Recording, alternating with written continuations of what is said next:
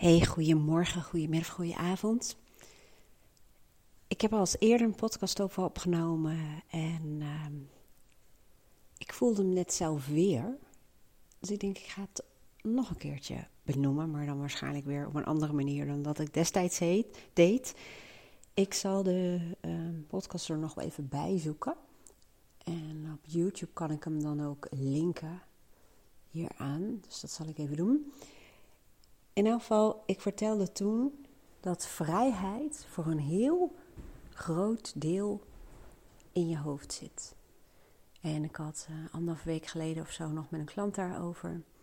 Die was heel erg aan het als-dannen. Zeg maar, als ik dat heb of, of daar ben of um, dat gerealiseerd heb of dat veranderd is in mijn leven, dan. En dan zal ik uh, vrijheid kunnen ervaren en nu nog niet. Dus ik daag iemand dan uit om ehm, te kijken naar of het uh, waar is en of er nu niet al sprake is van vrijheid. En om dat ook te ervaren en te voelen, te kijken welke kleine verbeteringen nu mogelijk zijn. En heel vaak zijn die verbeteringen niet zozeer in het veranderen van je uh, conditie, zeg maar, maar um, in het veranderen van je manier van kijken, je mindset. En datzelfde zie ik bijvoorbeeld bij mensen die um, enorm vermogend zijn als het gaat om uh, financiële stuk, zeg maar. Mensen die ja, behoorlijk wat geld hebben vergaard, vergaard om het zo te zeggen. En uh, die op papier, als het ware, financieel vrij zijn. Dat zegt ze ook, of financieel onafhankelijk zijn. Maar dat niet zo voelen. Hè? Dan hebben ze ook vaak um, ze de woorden een schaarste of tekort mindset. En waar heeft dat nou mee te maken? Want die twee, het ontbreken van vrijheid, zeg maar, dat gevoel hebben, of je niet rijk voelen of financieel vrij voelen, terwijl ja, feitelijk dat wel zo is. Dat heeft ook heel erg te maken met, bij wijze van spreken, ik gebruik natuurlijk veel de metaforen uit de voice dialogue, hè, de, de, de innerlijke bus. Met welk deel bekijk je dit? Net als ik merkte nu bij mezelf, ik heb de afgelopen dagen uh, veel gewerkt, kan ik wel zeggen. En uh, vandaag heb ik ook een, uh, een, lijstje, maar ik merk even dat ik. Ah, ik eh, kom even niet zo in de modus om, eh, om met mijn takenlijst verder te gaan. En ehm, dat is ook niet zo heel gek. En het gaat er ook niet om of het gek is of niet. En ook niet waar het door komt. Maar waar het wel om gaat, is dat ik vandaag ook gewoon de vrijheid heb. En niet alleen vandaag, ik heb elke dag opnieuw de vrijheid om te kiezen. En um, doordat ik zelfstandig ondernemer ben en mijn um, ja, leven en bedrijf zo georganiseerd heb dat het zoveel mogelijk mij dient, wie ik ben als persoon. En dat het zoveel mogelijk zo georganiseerd is dat ik conform mijn waarden leef. En ik zeg ook zoveel mogelijk, want ja, heus, er zijn verbeteringen mogelijk. Um, en dat is ook weer, weer het leuke. Maar een van die verbeteringen die zit hem dus heel erg in mijn mindset. En die is niet statisch in de zin van dat ik um, geen vrijheid ervaar. Ik ervaar heel veel vrijheid, maar vandaag even niet. En toen dacht ik op een gegeven moment, de zon die, uh, die het is 1, 1 februari uh, 2024, de zon die schijnt heerlijk. Ik vind dit ook van die mooie dagen, de dagen waarop de zon zich laat zien en de zon ook best warm kan zijn. En uh, schijn naar binnen en ik dacht, weet je wat ik doe? Ik pak even mijn thee en ik ga gewoon eventjes zitten in de zon, of even met de ogen dicht. En toen dacht ik, ja, ik ben mezelf weer iets aan het voorhouden. Ik, ik heb de vrijheid om te kiezen. Ik heb de vrijheid gecreëerd waar ik altijd naar op zoek was, zeg maar. Die, waar ik naar verlangde. En wat heel lang op mijn visionboard hing als een soort van tekst. Ik weet niet meer letterlijk, maar wel. Hè, uh, vrijheid is um, de mogelijkheid om te kiezen. Um, met wie je bent, waar je bent, wanneer je dingen doet. Dus eigenlijk ook een beetje om je eigen keuzes te maken en je eigen agenda in te kunnen delen. Dat heb ik gecreëerd. Maar toch heb ik af en toe, uh, zoals nu dan net even, um, dat ik hem nog niet helemaal kan voelen. En waar ligt dat nou aan? Nou, dat is zoals bijvoorbeeld een innerlijke criticus aan je stuur gaat zitten, die daar dus iets van vindt. En die werkt dan in mijn geval samen met uh, mijn innerlijke pusher. Iemand noemde het vandaag uh, zwoegen. Zwoegen. Dacht ik, oh ja, zwoegen, die past daar ook wel bij. Een soort van um, idee dat je altijd moet zwoegen en hard moet werken. En als dat aan je stuur zit, of als dat je overtuiging of de ideeën zijn, hè, maakt eigenlijk helemaal niet uit hoe je het noemt, ja, dan wordt het lastig om van vrijheid te genieten. En eigenlijk conflicteert het dan een beetje. Dat zei Jorge Ruis, heet hij, en die doet dan samen met Sandy Verhoeven, um, hebben ze een podcast onder andere, die, uh, die luister ik vanmorgen. En toen zei hij zoiets als, ja, als je overtuiging of identiteit is dat je altijd moet zoeken ja, dan, um, ik weet niet hoe hij het letterlijk zei, daar ben ik vaak wat minder goed in om het helemaal letterlijk te citeren. Maar dan eh, zou je ook nooit moeiteloos kunnen ondernemen, bijvoorbeeld.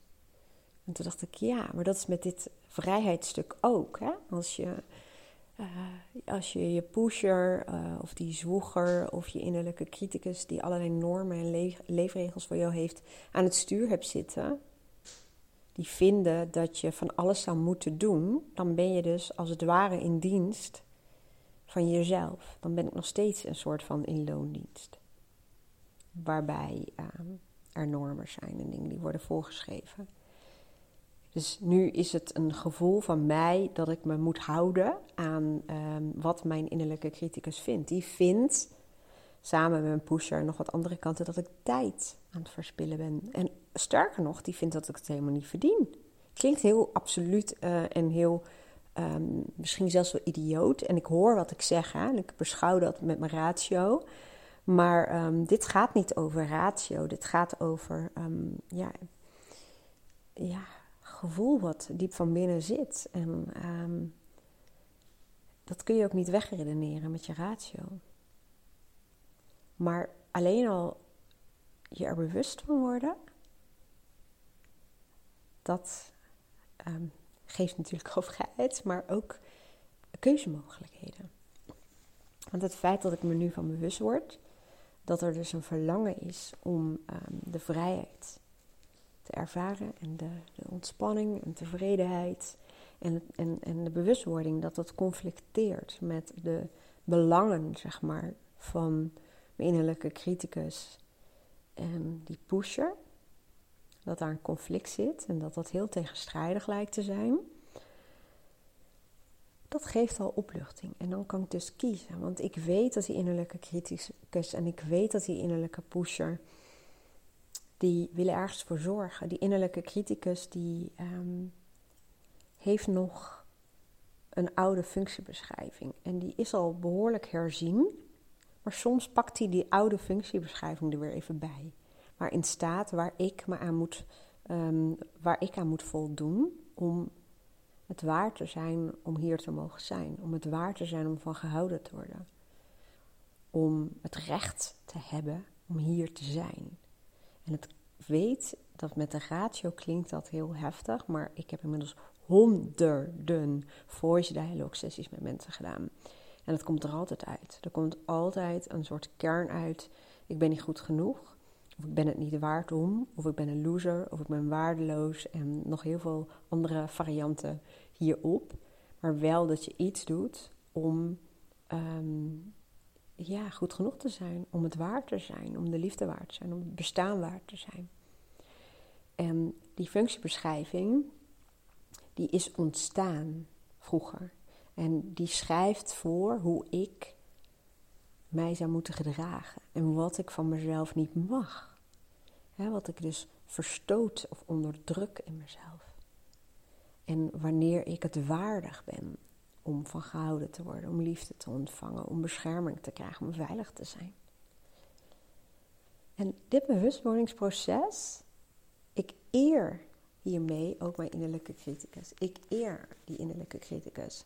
Want die doet nog steeds, en dat heeft het ook altijd gedaan, dat deel in mij, zijn best of haar best, whatever, um, om voor mij te zorgen, om mij te beschermen, om te zorgen dat ik geaccepteerd word, dat ik veilig ben.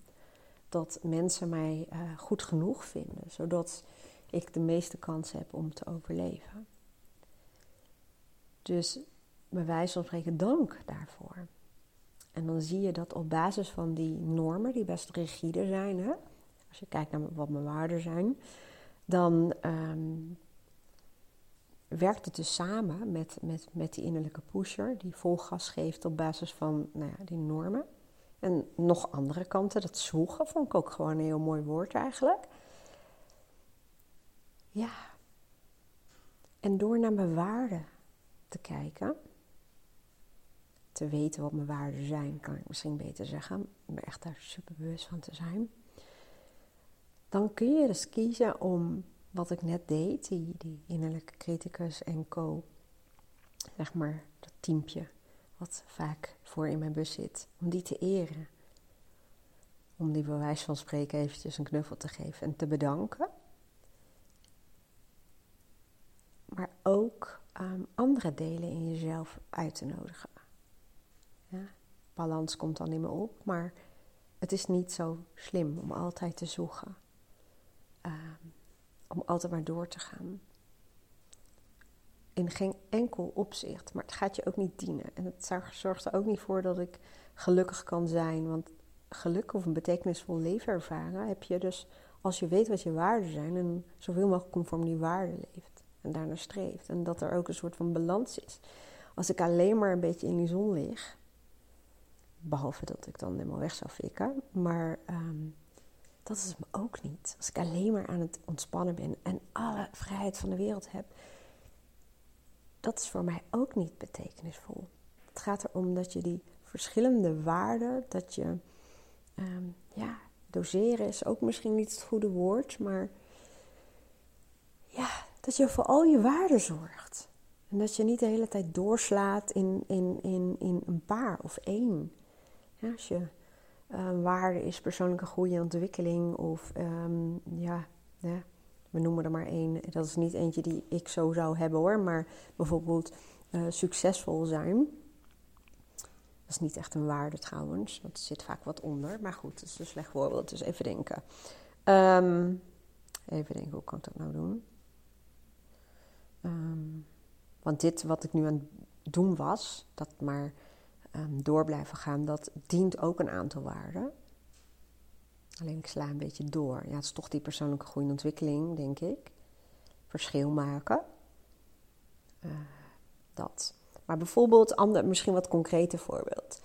Een van mijn waarden is ook avontuur. Als ik daar te veel van zou hebben, dan zou ik heel, dat, dat ken ik ook wel, dan word ik heel chaotisch en onrustig. En dan heb ik het gevoel alsof ik een beetje contact met mijn basis verlies. Dus dan zie je dat als ik dan um, dat eerst mijn basis op orde heb, zo noem ik dat dan altijd, de tijd voor mezelf en bepaalde routines en nou, gewoon de boel een beetje op orde. Vanuit daar, vanuit die basis, kan ik op avontuur. En dan, ja, dan, dat is een gouden duo. En dan kan ik ook weer terugkeren naar een basis en me weer opladen, om het zo te zeggen. Nou, dat is hetzelfde met dit. Dat, dat je um, ook ruimte geeft aan andere kanten van jezelf en daarmee ook andere waarden. En door inderdaad dat te doen, door, door, door die bewustwording en ook te kijken, oké, het is ook een belangrijke waarde van mij en een verlangen om in het hier en nu te zijn, om tevreden uh, te zijn, om um, mezelf genoeg te vinden en mezelf te vertellen dat ik um, genoeg ben, genoeg weet, genoeg doe, genoeg kan, noem het allemaal maar op. En dat ik gewoon lekker even kan kiezen om mijn ogen dicht te doen en in die zon te gaan, kunnen gaan zitten. En dan geef je ruimte aan andere delen van jezelf. En wat dat in dit geval is, nou, als we het een naamje zouden moeten geven, God, wat zou het dan zijn? Nou, zijn vind ik wel heel mooi. Want een pusher, die is heel erg van het ehm, doen. En dan heb ik ook nog heel erg een denker in mij. Dus denken, doen, ratio, bezig zijn. En, en ik noem het zijnskanten. Dat, dat klinkt misschien een beetje gek, maar die zijn meer. Dat wat dieren ook heel goed kunnen demonstreren vaak die verleggen zichzelf ook aan de hand van de zonnestralen bijvoorbeeld. Hè? Die zijn. En uh, aanwezig in het hier en nu. Heel veel kinderen kunnen het ook uh, doen en laten zien. Dat ze in het moment zelf zijn. of als je aan het mediteren bent, ehm, dat is voor mij niet zo'n heel goed voorbeeld hoor. Maar als ik gewoon, ehm, ja, weet ik veel, met mijn neefje en nichtje aan het voetballen ben of zo, dan ben ik daar ook op dat moment in dat moment. En um, met wandelingen bijvoorbeeld ook. Hè. Zintuigelijke ervaringen kunnen bijvoorbeeld ook zorgen dat je heel erg in het hier en nu bent. En anders heeft dat gejaag en altijd mee bezig zijn en zoeken in principe natuurlijk ook niet heel veel zin. Het heeft zin, want anders zou je het niet doen. Hè? Dus het zorgt ergens voor. Maar daarmee verwaarloos je ook dingen en kun je niet uh, ontvangen en incasseren en genieten van hetgeen waarvoor je hebt gezwoegd. Ja, nou, dat ik ook even delen. En dan nog even als laatste, want ik zei ook van een ander voorbeeld is ja, dat um, mensen die financieel vrij zijn of financieel onafhankelijk, hè, op papier gewoon een vermogen hebben waardoor ze um, nou bij wijze van spreken niet meer hoeven te werken. Als de mindset nog heel erg is van schaarste en tekort, is gewoon een deel wat aan het stuur zit. En dat zie ik dus best wel regelmatig. Dan um, is er bijvoorbeeld steeds angst voor verlies. Of um, kunnen ze niet genieten van het geld? Of hebben ze helemaal niet het gevoel dat ze um, ja, financieel vrij zijn? Dan zijn ze bijna financieel gevangen of financieel gebonden. Niet omdat het feitelijk zo is, maar omdat een deel aan het stuur zit wat dat denkt en wat in de schaarste en tekort denkt. En ja, best wel interessante materie, vind je niet? Nou, mocht je hier iets aan hebben gehad aan deze podcast, of misschien een andere podcast of video, dan leuk als je wat van je laat horen. En uh, je kunt mij enorm helpen door een beoordeling achter te laten op uh, Apple of op Spotify. En je te abonneren op mijn YouTube-kanaal. En uh, nou, nogmaals, ik vind het superleuk om van je te horen. Misschien herken je het wel. En mocht je nog meer tips en informatie willen, maar dan ook vergezeld met wat praktische hulpmiddelen, die schrijf ik ook vaak uit. Dan meld je eventjes aan voor mijn gratis e-mail membership. Zet het linkje hieronder en dan moet je even je naam, e-mailadres achterlaten. Even naar je e-mailadres of e-mailbox gaan en misschien even in je spam kijken of ik daar misschien uh, verstopt ben met mijn mailtje. Even bevestigen dat jij het hebt aangevraagd en dan uh, ben je al een lid. En dan krijg je zo nu en dan wat meer tips en concrete hulpmiddelen um, dan ja, hetgeen wat ik in een podcast en op YouTube kan delen. Ik wens jou een hele mooie dag. Uh, dankjewel voor het luisteren. Vergeet niet even een duimpje of een aantal sterren achter te laten. Dankjewel daarvoor en tot gauw.